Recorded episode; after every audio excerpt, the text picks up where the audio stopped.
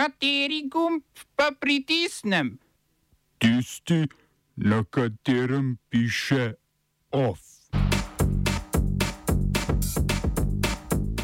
V Sudanu kljub premirju oboroženi boji za oblast. V Kanadi stavka prek 150 tisoč delavcev javnega sektorja. SDS-ova interpelacija vlade. Dostavljavci hrane se sindikalno organizirajo. V kulturnem obzorniku pa vse, vse o usponu, pacu in preporodu Kina Kolosej.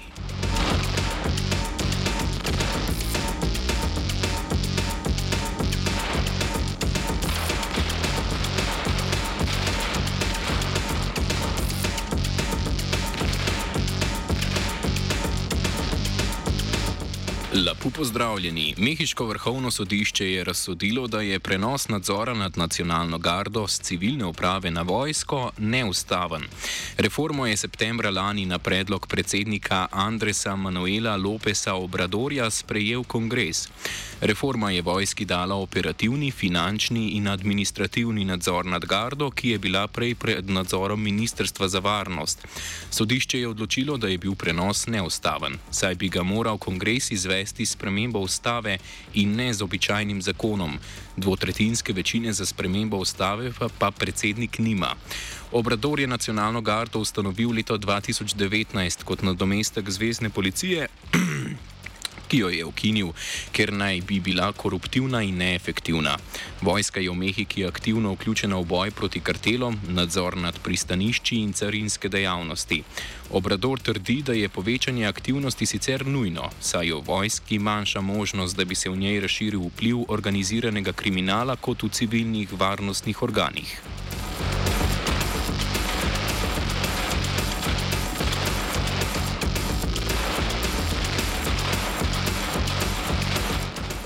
Fox Corp in televizija Fox News sta sklenili poravnavo s proizvajalcem volilnih naprav in programske opreme za elektronsko glasovanje Dominion Voting Systems.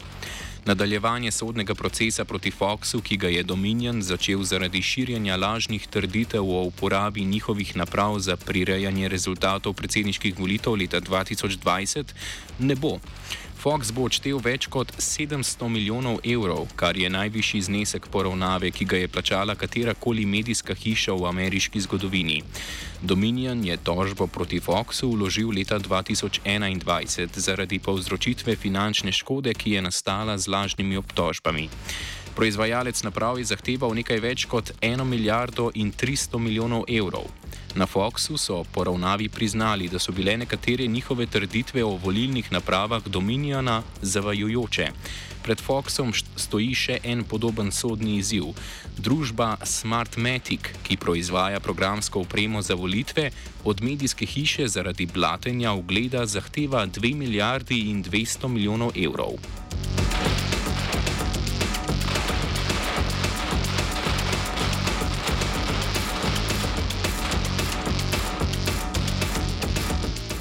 Kanadi je stavko začelo okoli 155 tisoč delavcev javne uprave.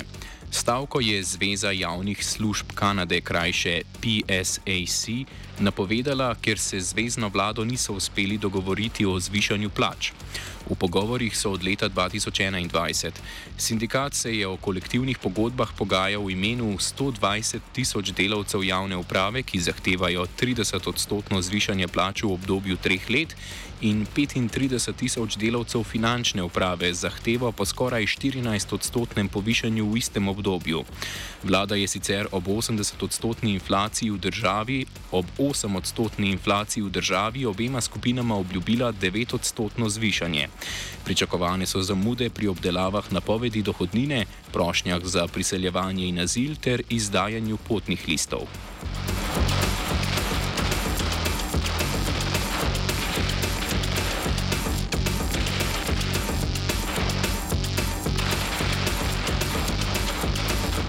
Prehajamo v Evropo, kjer je Evropski parlament potrdil dogovor o brezvizumskem potovanju za kosovske državljane v Evropsko unijo.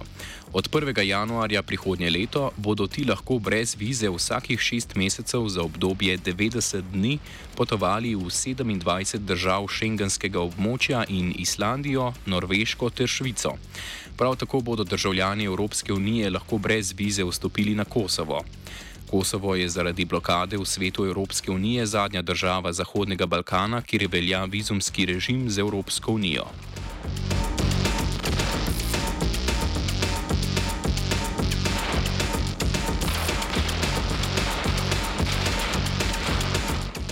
Poljska in Ukrajina sta se dogovorili o preklicu prepovedi prevoza ukrajinskega žita v tretje države prek polskega ozemlja.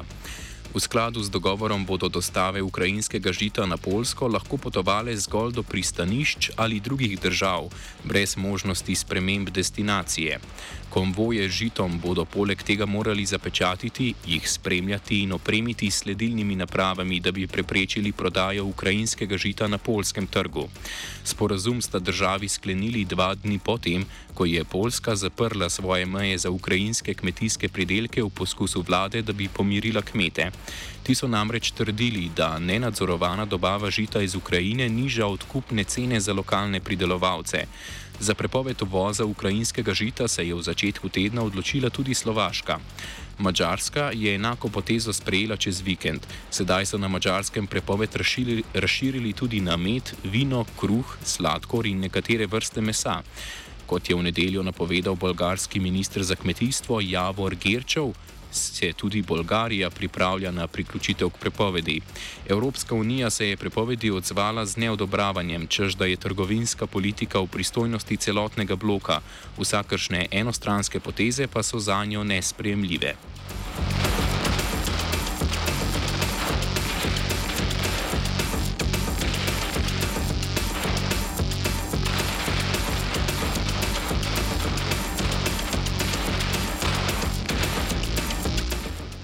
Sudanu se kljub dogovoru o enodnevnem premirju peti dan nadaljujejo spopadi med vojsko in paravojaško milico sile za hitro napredovanje, znano kot RSF.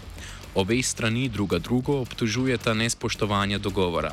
V prestolnici Khartoum potekajo boji za nadzor nad glavnim štabom vojske, predsedniško palačo in letališčem, vojska pa naj bi že prevzela nadzor nad glavnim letališčem.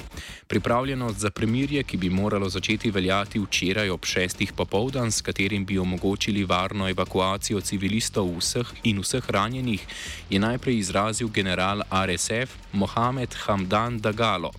Sudanska vojska, ki je na oblasti od državnega udara leta 2021, je najprej zanikala vednost o predlaganem premirju, nekaj ur kasneje pa se je o enodnevnem pre prenehanju spopadov strinjala. Svetovna zdravstvena organizacija poroča, da je od sobote, ko so se spopadi začeli, na obeh stranih umrlo več kot 270 ljudi, ranjenih je vsaj 2600. 2600. V prestolnici prihaja do izpadov električne energije, zaradi pomankanja osnovnih potrebščin prihaja do posameznih kraj. Japonska je že napovedala evakuacijo svojih državljanov iz Sudana, Nemčija pa je svojo evakuacijo začela zaradi bojev morala prekiniti. Za oblast se RSF bori z vojsko, ki jo vodi general Abdel Fattah al-Burhan.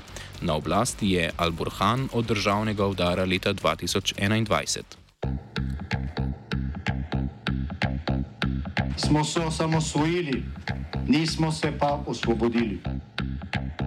Naslednje število je še 500 projektov. Izpiljene modele, kako so se strani nekdanje LDS rotirali. Ko to dvoje zmešamo v pravilno zmes, dobimo zgodbo o uspehu. Takemu političnemu razvoju se reče udar. Jaz to vem, da je nezakonito, ampak kaj nam pa ostane? Brutalni obračun s politično korupcijo. To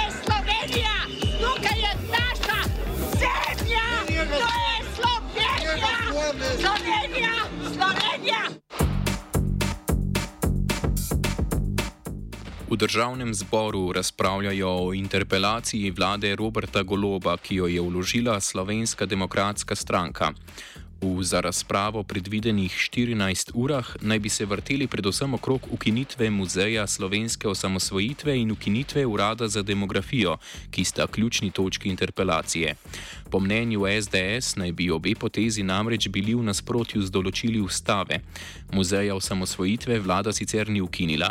Kot problematično so pri SDS-u izpostavili tudi ukinjanje dopolnilnega zdravstvenega zavarovanja in podporo gradnji kanala C0. V koaliciji so medtem izpostavili, da je skoraj 60 odstotkov besedila interpelacije namenjenih muzeju osamosvojitve, ker naj bi kazalo na dejanske prioritete stranke SDS.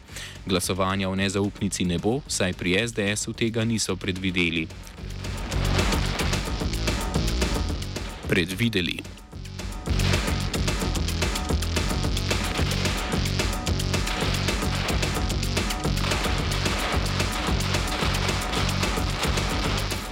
Iz Nacionalnega laboratorija za zdravje, okolje in hrano pa so sporočili, da so med vzorci pozitivnimi na koronavirus odkrili novo podrazličico omikrona z imenom Arcturus.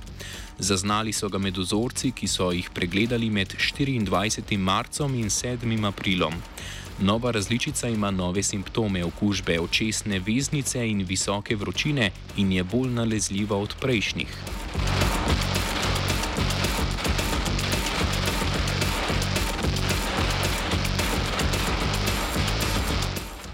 Dostavlja, dostavljavci hrane platformnih podjetij Volt in Glovo so se pod okriljem sindikata Mladi Plus organizirali v sindikat dostavlja, dostavljavcev.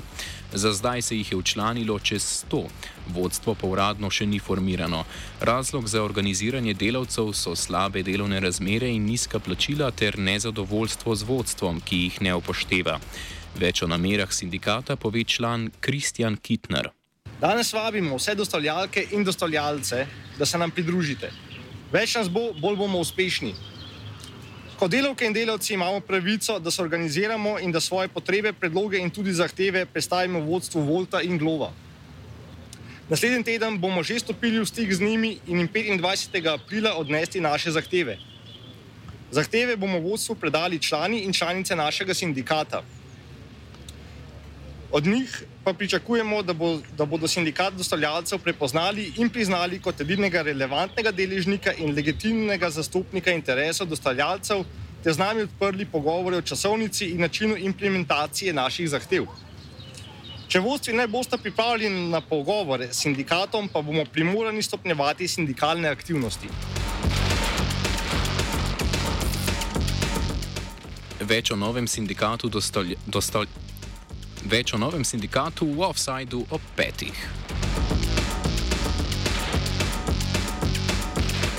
Off je pripravil vajenec Filip, pomagala je Aida.